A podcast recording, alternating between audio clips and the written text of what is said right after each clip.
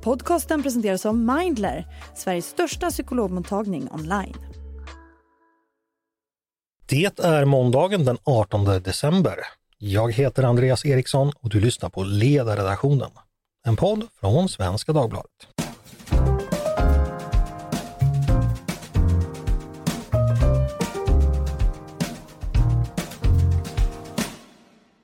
Varmt välkomna till oss igen. Redan i slutet på 1900-talet började vi höra talas om ensamkommande flyktingbarn som anlände till Sverige.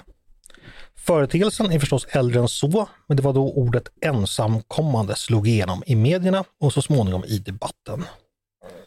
Tittar man tillbaks i mediedatabaserna finner man att förekomsten av termer som just ensamkommande barn och flyktingbarn kulminerade 2015. Orsaken var förstås att det året anlände inte mindre än 35 000 ensamkommande barn till Sverige och sökte asyl som flyktingar. Ni minns säkert hur nyhetsrapporteringen och debatten kring detta fördes vid den tiden. Man frågade sig, hur skulle de tas emot? Varför kom det så många? Var det för många som kom? Varför kom de just till Sverige? Och var de ens alltid barn? Borde man inte införa någon form av ålderskontroll? Och så vidare. De här 35 000 barnen som kom 2015 eh, på gruppnivå så kan man säga att det var till över 90 procent pojkar. Ungefär två tredjedelar av dem hade afghanskt medborgarskap. Två tredjedelar var 15 år eller äldre och den vanligaste åldern det var 16 år. Efter 2015 så fortsatte den här frågan att vara hett omdebatterad. Eh, 2017 respektive 2018 antogs två nya lagar som gav de barn som inte hade fått uppehållstillstånd, eftersom regeringen ju hösten 2015 skärpte reglerna, möjlighet att stanna ändå genom den så kallade gymnasielagen. Och det var en lag som i sin tur kom att kritiseras mycket. Men nu har det alltså gått åtta år sedan 2015 då den här gruppen anlände och vi har möjlighet att fundera lite på hur det har gått. Så det tänkte vi skulle göra idag. Dagens ämne är alltså ensamkommande flyktingbarn. Och då ska vi prata om en rapport som SCB har skrivit och som publicerades lite tidigare i år, för några veckor sedan. Det är möjligt att ni har hört talas om den, eh, för den innehåller den första riktigt omfattande sammanställningen hur det har gått för den här gruppen i Sverige. Med mig för att prata om detta har jag två gäster. Karin Lundström från SCB som är en av författarna till just den här rapporten. Varmt välkommen hit Karin! Tack, tack! Och Mustafa Panshiri, författare, poddare och föreläsare och tidigare polis som arbetat mycket med frågor om ensamkommande. Varmt välkommen du också! Tack! Tänkte vi ska lägga upp det så här så att jag börjar huvudsakligen med dig Karin, ska du få berätta om den här rapporten. Mustafa, eh, kommer jag till dig sen så får vi höra ditt perspektiv. Men du får ju förstås hoppa in också när, när du känner för det. Karin, första frågan. Hur kommer det sig att ni på SCB bestämde er för att skriva den här rapporten? Eh, ja, men som du sa så var det ju en stor grupp som sökte asyl då som ensamkommande 2015. Eh, mycket större antal än både innan och efter. Eh, och det har rapporterats mycket om den här gruppen i media på olika sätt, inte minst genom gymnasielagen då, som du också nämnde. Eh, och eh, vi har också fått en del frågor om ja, men hur det har gått för dem, hur många är det som har fått uppehållstillstånd och blivit folkbokförare och sådär. Så och ja, men som du sa också, nu har det gått några år vi har möjlighet att följa upp dem i registren och se vad som har hänt. Så vi kände att det var dags nu att göra någonting. Mm. Just det, för det ska också sägas, efter 2015 har den här gruppen inte alls varit lika stor, utan det, det, det var just det året helt enkelt. Ja, men precis. Mm. Nu ligger det runt ja, 500-600 om året mm. eller någonting sånt. Precis. Eh, då ska vi, eh, ja, eh, på, på, på, på metanivå då, de här drygt 35 000 som kom, det var 35 000, ja, x antal hundra, så är det 20 000 som fick uppehållstillstånd, alltså ungefär 57 procent. Vad fick inte övriga uppehållstillstånd? Vet vi det? Eh, vi vet, eh, de, de vi har uppgift om är ju de som har fått uppehållstillstånd och som har blivit folkbokförda i Sverige. Eh, men vi har fått lite uppgifter från Migrationsverket Eh, och där, ja, det blir lite komplicerat direkt för att de där 35 000 blir då 32 000 istället. Eh, och det beror bland annat på att eh, ja, men en del personer har dubbelräknats till exempel. En del personer har, har vid något tillfälle räknats som ensamkommande, men var inte det när de, de sökte asyl. Så att i Migrationsverkets system nu så är de ungefär 32 000. Okay. Och av de då som, som inte har uppehållstillstånd så så vet vi att de flesta har fått avslag. Men, men vi har, ja, jag har inte uppgift om detaljer om varför. Nej okej, men de har fått avslag. Och, Mm. Men vi vet inte i övrigt var de befinner sig rent fysiskt eh, heller. Av, något- av Ja, naturliga skäl. det, det finns lite, ja men Migrationsverket har ju lite uppgifter om att eh, ja, men en ganska stor grupp, 4 500 tror jag det var, de har eh, lämnat Sverige eh, och det är också en grupp som, som har avvikit, som Migrationsverket inte vet vad de är. Tack för det. Vi ska, vi ska återkomma till det och höra också vad, vad Mustafa vet om det här. Botox Cosmetic, out of botulinum toxin A, FDA approved for over 20 years. So, talk to your specialist to see if Botox Cosmetic is right for you. For full prescribing information, including boxed warning, visit BotoxCosmetic.com or call 877-351-0300. Remember to ask for Botox Cosmetic by name. To see for yourself and learn more, visit BotoxCosmetic.com. That's BotoxCosmetic.com. Eh, vi ska fortsätta prata datan då ni kom med. I rapporten så delar ni upp den här gruppen på dels de som fick uppehållstillstånd för att de var då eh, barn under 18 år eh, med särskilda skyddsskäl då. Dels de som fick uppehållstillstånd genom den här tidigare nämnda gymnasielagen. Bara kort repetition, vad innebar gymnasielagen? Eh, ja, men den infördes ju då eh, för att eh, det var ju en grupp då som, eh, som ja, de hade ju fått vänta ganska länge på beslut, de fick avslag i många fall, eh, men hade varit ganska länge i Sverige. Och eh, själva lagen innebar att de fick ett tillfälligt uppehållstillstånd för att stanna och, i Sverige och gå i gymnasiet och sen ha möjlighet att stanna då i, i sex månader efter gymnasiet för att söka jobb. just det. Eh, Och om de då fick jobb inom de här sex månaderna så fick, skulle de kunna ha möjlighet till ett permanent uppehållstillstånd. Just det, det var så det funkade. Ja, var, varför delar ni upp på de här två grupperna? Varför var det intressant tänkte ni? Eh, ja, men för att de har mm, olika förutsättningar just när det gäller då uppehållstillstånd. Eh, de som fick uppehållstillstånd som ensamkommande, då, de fick permanent uppehållstillstånd eh, till största delen redan från början. Eh, så att de hade ju inte samma, samma krav på sig där att, att få ett jobb snabbt eh, utifrån att möjligheten att stanna kvar i Sverige. Då. Det. Ja, det var rätt tufft, det var sex månader, skaffa ett jobb eller helt enkelt inte, inte få vara kvar. Precis. Okej, eh, sen genomgående i, i rapporten så, så jämför ni de här eh, två grupperna ensamkommande kallar vi då, med eh, lite andra grupper. Vilka är det som är så att säga jämförelsegrupperna? Eh, där tittar vi på de som har eh, kommit samtidigt och sökt asyl 2015, eh, men som har kommit tillsammans med föräldrarna. Och de vi tittar på mer i detalj, då är de som är födda 1999. Eh, Just För nitt- för 99 var då 16 år 2015. Så det ja, var, men precis, ja. och det är den största gruppen i, eh, bland de här. Då. Och sen har vi även med födda i Sverige för samma år som jämförelsegrupp. Mm, Okej. Då ska vi prata mer om resultatet. Ni listar en del saker, jag tycker vi betar av dem lite snabbt. Var bor de ensamkommande generellt? Eh, ja, men som, som folk gör mest kan man väl säga utifrån kommuntyp. Mm. Eh, storstäder och eh, storstadsnära kommuner. Eh, eh, eller större städer och st- kommuner nära eh, större stad Mm. är den vanligaste. Ja, men där ja, men till exempel Västerås och Umeå ingår till exempel. Just det. Ni kollade också hur många som bodde i ut, utsatta områden.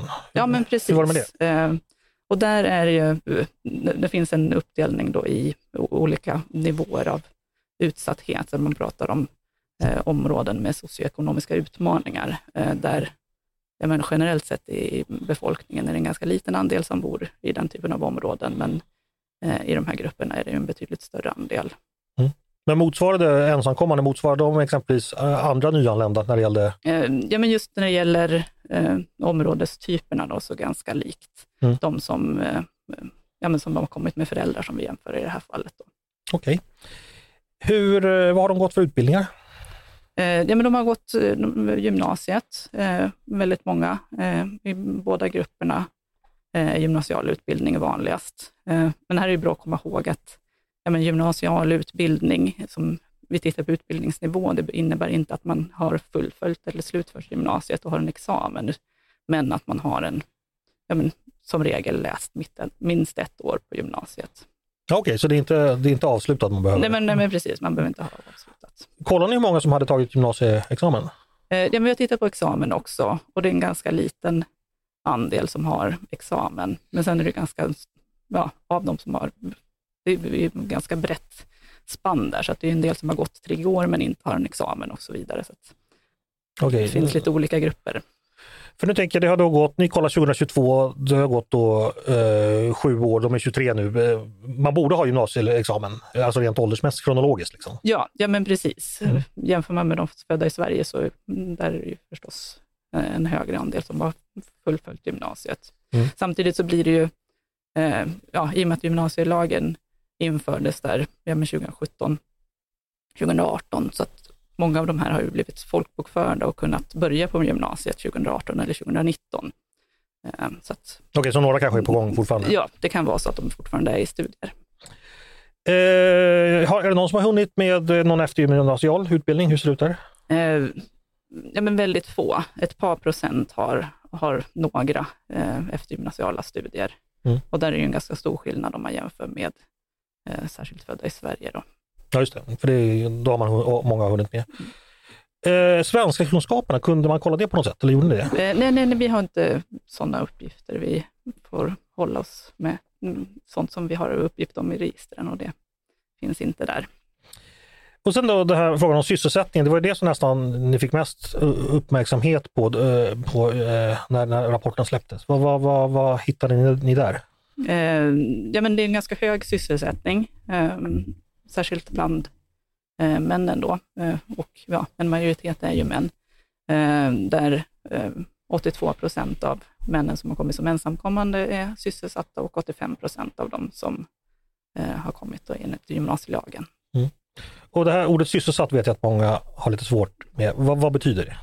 Ja, eh, och det, kan ju, det finns lite olika definitioner som används i olika undersökningar. Eh, här bygger ju det, det vi har tittat på uppgifter från register eh, och definitionen här är då i princip att man har fått en, en löneutbetalning under månaden. Det är november 2022 som, som vi har uppgift om här. Mm. Eh, ja, vad, vad, vad, vad, vad tänker du då som statistiker? Utbildning och sysselsättning eh, jämfört med andra grupper. Tycker du ensamkommande, eh, sticker de ut på något vis skulle du säga? Åt något håll? Ja, ja men de, de, har ju, de är ju sysselsatta i högre utsträckning eh, än både eh, de som har kommit med föräldrar och även med födda i Sverige i samma ålder. Eh, men samtidigt så är de ju i mindre utsträckning då i studier, Mm. eh, som är vanligt då bland födda i Sverige särskilt. Just det. Och arbetslösheten är också högre bland ensamkommande. Så, Ja. så är. Eh, ja, sysselsättning då betyder ju jobba. Alltså. Eh, vad jobbar de med? Eh, ja, men den vanligaste näringsgrenen är inom vård, omsorg och socialtjänst. Eh, och det är ju ja, ungefär, eller en dryg tredjedel Mm. som jobbar inom den näringsgrenen. Så att, eh, ni tittar också på inkomster. Vad kom ni fram till där? Eh, Ja, men där har vi tittat på, på olika inkomstnivåer, eh, där vi utgår från antalet inkomstbasbelopp som man har eh, tjänat in då under en 12 månaders period. Och eh, ungefär sju av tio har en inkomst över tre inkomstbasbelopp. Nu måste vi nog förklara igen för Och, lyssnarna vad detta ja. innebär. Och ett inkomstbasbelopp, det är ju ja, ett sånt fast belopp som man använder ibland annat i pensionsberäkningar och sådär. Och eh, tre inkomstbasbelopp motsvarar eh, ja, men för den här perioden då knappt 18 000 i månaden om man skulle sluta på 12 månader. Okej, eh, 18 000. Och hur många var det som tjänade så mycket? Eh, ungefär sju av tio. Ungefär 7 av 10. Ja, eh, var det någonting som överraskade dig när du gjorde den här undersökningen och du inte hade tänkt innan att det skulle vara så? Ja, men det är, ja, men som de har pratat om i början, vi delade ju upp de här i de här två grupperna, då, ensamkommande och gymnasielagen, för att vi tänkte att ja, men de, de har ganska olika förutsättningar när det gäller uppehållstillstånd och där kanske vi hade förväntat oss större skillnader när det gäller utfall också. Eh, Alltså mellan gymnasiegruppen och den övriga? Precis. Eh, när det gäller sysselsättningen så är det ju väldigt liten skillnad mellan de här två grupperna. Eh, när det gäller utbildning är det större skillnader och det hänger ju förstås ihop med att eh, den gymnasielagsgruppen hade som krav att de skulle eh, gå gym- gymnasiet helt enkelt. Så att Mm. de ensamkommande har i högre grad eh, inte, eller en förgymnasial utbildning. Jag tänkte en fråga, eh, det beror på förstås eh, vad man eh, har för förväntningar och, och kanske värderingar. och så, Men skulle du säga, kan man sammanfatta med att det har gått ganska bra för den här gruppen eller vad skulle du använda för ord? Eh, ja, men man kan ju säga, de, de har ju en högre sysselsättning snabbare än många andra grupper som har kommit som, som flyktingar eller liknande. Så att på det sättet kan man väl säga att det har gått bra. Mm, Okej. Okay. Eh, då ska vi släppa in dig Mustafa i samtalet tänkte jag. Eh, när du läste rapporten och hör Karin berätta, är det någonting som överraskar dig? Alltså både ja och nej. Det, det är ju roligt att det har gått hyfsat bra för gruppen. Samtidigt är det en grupp som är i en arbetsför ålder och eh, de ska vara ute i sysselsättning. Det hade varit märkligt om de inte var det. Eh, och det visar ju också på att om man ställer krav på människor och det blir skarpt läge, då eh, skärper många till sig och eh, ser till att de kommer, eh, kommer i jobb. Mm. Annars får man ju lämna Sverige. Mm. Du, du ska få berätta lite, eh, hur, hur kommer det sig att du är här? På Nej, men vad, vad har du haft för kontakt med, med ensamkommande och vilka sammanhang? Jag jobbade som polis i Linköping under flyktingkrisen 2015 och så kom det ju väldigt många eh, och sökte asyl. Jag var den enda polisen som kunde prata språket i hela Östergötland, så jag var med och hjälpte till i de här första förhören innan vi lämnade över ärendena till socialtjänsten. Sen började jag åka omkring i Linköping och hela Östergötland med en kollega och informera eh, främst ensamkommande om svensk polis, hur det är att bo i Sverige, vad som förväntas av en, hur man integrerar sig. Och så började jag göra det i hela Sverige, varit i 280 kommuner och träffat tiotusentals nyanlända och de som jobbar med eller jobbat med gruppen för att underlätta integrationen. Jag har gjort de senaste sex åren. 280 kommuner, det är ju nästan alla. Finns det ensamkommande nästan överallt i alla kommuner? Ja, eh, de flesta och så har jag gjort återbesök i många av de kommunerna också. Mm. Eh, men ja, de flesta tog emot, även om det var i varierande antal. Just det. Eh, en sak som jag tror många har hört är ju att, som vi sa inledningsvis, så kommer en stor grupp från just Afghanistan. Och då tillhör de en folkgrupp som heter hazarer. ordet har säkert många hört, men kan du bara kort förklara, vad är det för grupp? Det är en minoritetsgrupp i Afghanistan i dubbel bemärkelse, eh, cirka 25 procent. Eh, och de är också shia-muslimer, så därför blir de ytterligare liksom en, en, en minoritet. Eh, oftast väldigt diskriminerade där, eh, på grund av sin religion, också utseende. Eh, så de har haft det väldigt tufft. Mm. Och den här gruppen, vad jag förstod, många åkte via Iran, var det inte så? Jo. De hade redan bott, eller var på flykt i Iran ett tag. Alltså många av dem har ju bott i Iran i, i, många år och varit uppvuxna där. Det märker man tydligt när man börjar prata med dem. Eh, dialekten är en persisk dialekt. Eh, så eh, många har en erfarenhet där, men i Iran har blivit, de har blivit behandlade som andra klassens medborgare, levt svart där och arbetat svart och så när myndigheterna kommit på dem så blir de avvisade och så kommer de tillbaka igen till Iran, för de har ju familj och släkt här som bor där. Vad var det som hände 2015 då som gjorde att så många sökte sig till just Sverige? Vet vi det? Ja, allt ifrån eh, Fredrik Reinfeldts Öppna era hjärtan till eh, Svenska institutet som gjorde reklam för Sverige om att man skulle komma hit och hur eh, toleranta vi var, öppna vi var och vår välfärdssystem. Eh, så det var inte alls konstigt. Det var ju vi i Tyskland som signalerade utåt om att vi var de mest flyktingvänliga länderna. Mm. När eh, Afghanistans president, eh, före detta president Ashraf Ghani, var här i Sverige 2015 och blev intervjuad av Agenda så fick han den frågan.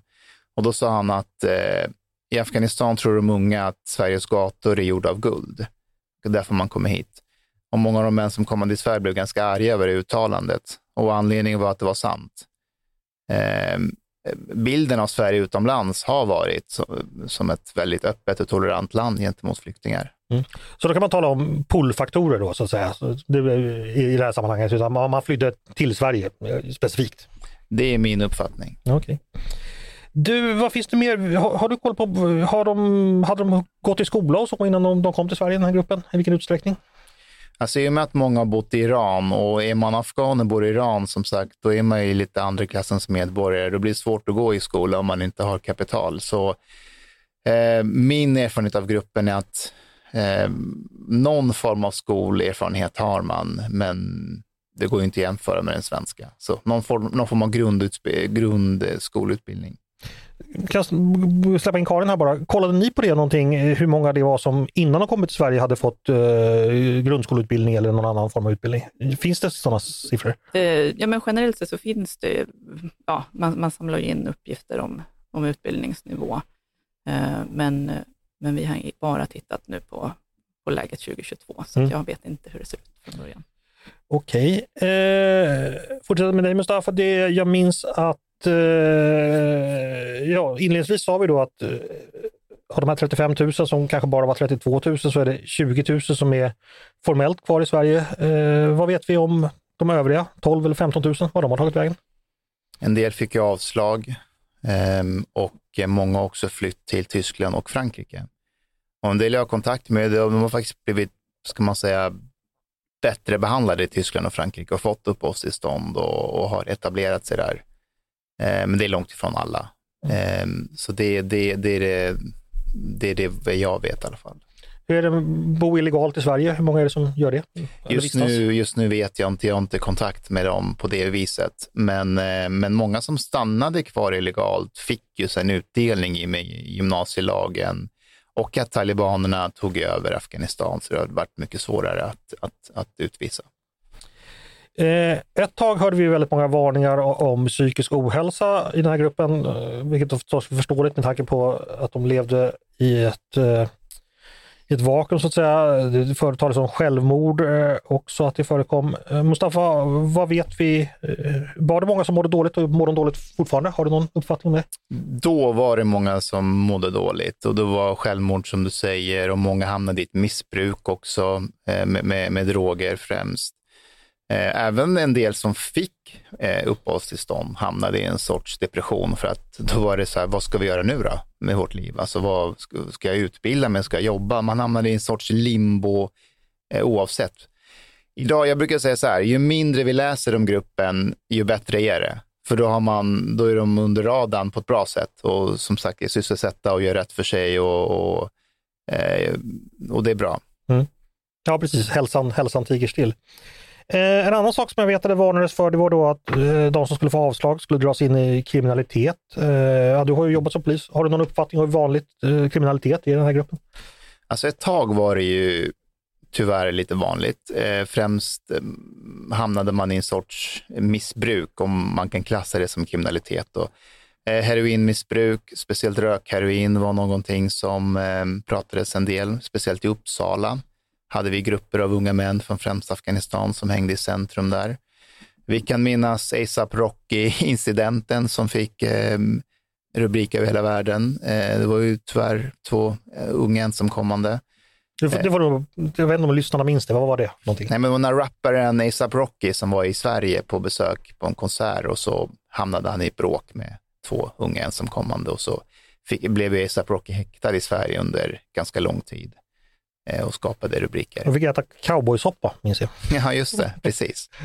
Ja, Eh, men så här, i början som sagt, då hade vi ju de här övergreppen på eh, festivaler, vi hade sexuella övergrepp- på badhus. Eh, så ibland glömmer man bort att vi betalade också ett, ett socialt pris för, för gruppen och deras etablering i Sverige till, tills där vi har hamnat idag.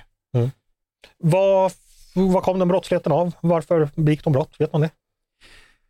Var det kulturskillnader eller liksom var de socialt utsatta eller vad berodde det på? Ja, både och. Alltså, kom, lev, växer man upp i ett land som Afghanistan, där det finns en ganska stark form av social kontroll ändå, där föräldrar, familj, släktingar ser en. Eh, och så hamnar man i Sverige, där de här, den här sociala kontrollen försvinner. Eh, Man upptäcker väldigt mycket frihet och det är fantastiskt med frihet. Men om det är ingen som förklarar en för, en att med frihet kommer också en viss ansvar, då finns det alltid en signifikant andel i gruppen som, som kommer spåra ur och, och de spårade också ur. Eh, det är klart att de fick en god man och socialsekreterare, men det är ju inte samma sak som en sträng pappa eller farbror i Afghanistan. Och det, var, det här var anledningen till att jag var ute och föreläste, för att prata om just, om just de här sakerna och lyfta upp det. För att Sverige hade en noll koll på, på de här aspekterna.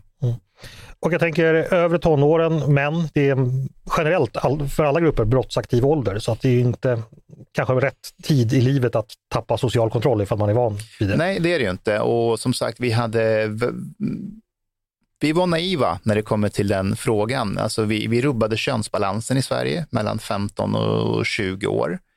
Eh, vi fick en överskott av unga män. Eh, Kanada eh, tackade nej till ensamkommande unga män för de förstod att vi vill inte ha unga män springandes runt i Kanada. För det, i, i samhällen där män är i överskott, de samhällen tenderar att bli mer våldsamma. Mm. Eh, som, så det sociala priset eh, som vi ändå betalade, det, det kommer inte med i rapporten här och det ska det ju inte, det är inte SCBs jobb, men, men den finns ju ändå i minnet där. Mm. Vi ska snart återkomma till det. Jag ska bara kolla med dig Karin, funderade ni på att ta in det här med brottslighet, hur många som har varit dömda eller misstänkta för, för brott? I och med att det ändå var en aspekt som ofta dykt upp i diskussionerna. Nej, eh, ja, men oftast så gör ju inte vi den typen av undersökningar, utan det är Brå som gör det. Mm. Eh, så att... Just det tillbaka till Mustafa, du målar ju ändå upp en ganska mörk bild, pratar om att social pris och att eh, brottslighet och missbruk. Ändå i den här rapporten, vi pratar ju ändå om en grupp som idag i huvudsak är sysselsatta och tjänar pengar hedligt. Det är ju ändå, är det så att säga bättre än vad du hade förväntat dig för kanske 5-6 år sedan? Jag var väldigt tydlig i början med att det här är unga starka män som har all världens resurser. De har tagit sig hit från andra sidan jordklotet för att skapa sig en bättre eh, bättre liv. Vi tar tillvara på den resursen i så fall. Eh, och det visade sig att om man ställer krav, som jag sa innan, då gör de bra ifrån sig. Och det här är jättebra siffror, verkligen. Ehm, men ibland så målas det upp som en stor framgångssaga. Jag vet att Aftonbladets Anders Lindberg skrev att vi borde tagit emot ännu fler. Men alltså om man stannar, om man stannar en stund och ser så här, okej, okay, 2015, de unga män som kom, det kostade 26 miljarder för det året. 26 miljarder i Sverige, det är hela rättsväsendet, domstolarna och polisen tillsammans under ett år. Afghanistans statsbudget under det året var 45 miljarder. Så eh, det kommer dröja ett tag innan vi kanske får, eh, får tillbaka det. Eh, de här unga männen som jobbar inom vården, som är en, som en bristyrke, jättebra, men de kommer också att få barn i framtiden. De kommer att gifta sig, så de kommer också behöva vård i framtiden.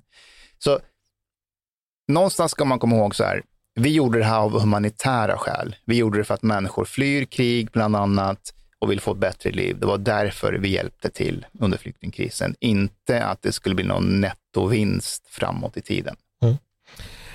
Kari, Karin, vad har du fått för eh, reaktioner på den här rapporten? Du berättade innan vi började spela in att eh, sedan den släpps, massor av människor har frågat om den. Vad är det, vilka, vilka är det som är varför är man intresserad? Det, ja, men det är alla möjliga från ja, men journalister men även eh, från, från privatpersoner och andra som, som hör av sig. Och, eh, ja, men dels är det frågor om, om resultaten. Eh, många som vill veta ja, men hur funkar det egentligen det här med sysselsättning, vad är det vi mäter egentligen? Eh, så det är ju en vanlig fråga. Mm. Är det några som misstänker att det här resultatet verkar lite för bra, nu har ni fuskat lite här? Eh, ja, men det kan väl finnas sådana tendenser till att, eh, ja, eh, ja, men när, när man när vi, när vi berättar om hur, hur sysselsättningen mäts, att det är en, en löneutbetalning. Vi tar ju inte hänsyn till hur stor inkomsten ska vara, utan man kan ju ha Nej, nej. Men det, det har du ju mätt också. Ja, men att det just att, att det lätt att man tänker att det här är någon sorts glädjekalkyl. Eh, men samtidigt är det ju de etablerade sysselsättningsmått som vi använder generellt sett, så att det är inget, vi använder inga andra mått här. Eh, som jag inledde med att säga, det är en, eh, varit en jättestor fråga här. Den är också kontroversiell och det Mustafa berättar tangerar ju det. Har ni tänkt ni innan så här att nu kommer det bli ett himla liv eller har ni märkt av det i ert arbete att det är fortfarande så pass kontroversiellt? Ja, men vi var väl beredda på att det skulle bli eh, bli uppmärksammat, men kanske inte att det skulle bli så mycket uppmärksammat som det har blivit. Tror jag. Mm. Mustafa, det låter lite på dig som att du är lite orolig för att eh, vi eh, andas ut eller gör för mycket glädjekalkyler här och säger att det gick bra, nu kan vi gå vidare. Eh, tolkar jag det rätt då? Liksom att vi, du vill eh, ändå liksom inte delta i det allmänna jublet som har dykt upp på sina håll? Jag vill bara att vi ska vara transparenta och, och, se, och vara ärliga med att, än en gång, att den flyktinginvandring Sverige har haft, det har varit av humanitära skäl, för att vi vill hjälpa människor. Eh, och inte ta in liksom att, att det blir någon samhällsförtjänst i framtiden. Den här gruppen har det gått jättebra för, alltså som vi kan se i, i, i rapporterna. Eh, men det är också det som förväntas av, eh, av människor som kommer hit, att de ska komma i sysselsättning. Jag, jag vet under 2016-17 när det, när det skrevs som mest om, om, om den här gruppen, eh, då, då, då var det ett par eh, etablerade afghaner i Sverige som hörde av sig till mig och sa, kan inte vi skriva en debattartikel? där vi säger att nej, men vi är skötsamma i Sverige, titta vi, vi jobbar och skulle, så skulle vi skriva vilka jobb vi hade och så för att visa en annan bild. Och, och den valde jag inte att ställa upp på, för, jag, för mig, jag menade att, ja, men, jaha, vi jobbar, okej, okay, det är väl det vi ska göra. Ska vi skriva en debattartikel om att vi jobbar i Sverige för att visa svenskarna en bättre bild? Det är det som förväntas av en. Och det är alltid det, det jag försöker alltid försökt säga till de ensamkommande också, att, att mm, ni ska inte få en klapp på axeln för att det går bra för er. Det måste gå bra för er. Mm. När du har pratat och, och träffat ensamkommande, eh, hur har de upplevt att de har, att de har liksom varit föremål för den här typen av debatt, att de har varit ifrågasatta, kritiserade och liksom, ja, ibland har det varit, de varit rent illa och omtyckta. Har de, hur, hur känner de inför det? Det är klart att de har drabbats rätt mycket. De har blivit kallade för skäggbarn och eh, och man är kopplad. De, de blev verkligen en symbol för den havererade eller migrationspolitiken i Sverige. De fick, de fick mycket av skulden. Ehm, så de har ju haft det väldigt tufft. Alltså, många av dem är ju jättefina killar som är nyfikna på Sverige och vill att integrera sig. Och hamnade de i, bra och rätt familjer så blev integrationen ännu bättre av att de inte hade sina föräldrar här. Ehm, för det blir en krock med att man man är intresserad av Sverige och lär sig mycket om Sverige i skolan, men när man kommer hem så är det andra värderingar som gäller. Det gällde ju inte alltid den gruppen om de hamnade i bra familjer. Så de har, de har gått igenom ganska mycket, det har mm. de. För det är en intressant aspekt också, bortsett från det här du säger att eh, det lönar sig att ställa krav. Här fick, fick ju liksom integrationen en liten skjuts av att många tog, bodde i svenska familjer också, eh, som eh, ja, adopterade eller vad man ska säga. Eh, vilken betydelse tror du det har haft? Jättestor betydelse. Och som sagt, hamnar man i en svensk familj i den åldern, eh, då man suger åt sig allt som har med svenskhet och svenska värderingar och Sverige att göra som en, som en svamp. Mm. Eh, och ja, det underlättar om resten av släkten och familjen inte är här faktiskt. För Karin, det tittar ni också på, hur, hur de bodde eh, nu 2022. Hur, var landade det någonstans? Bodde de kvar i familj eller bodde man ensam eller hur, hur var det?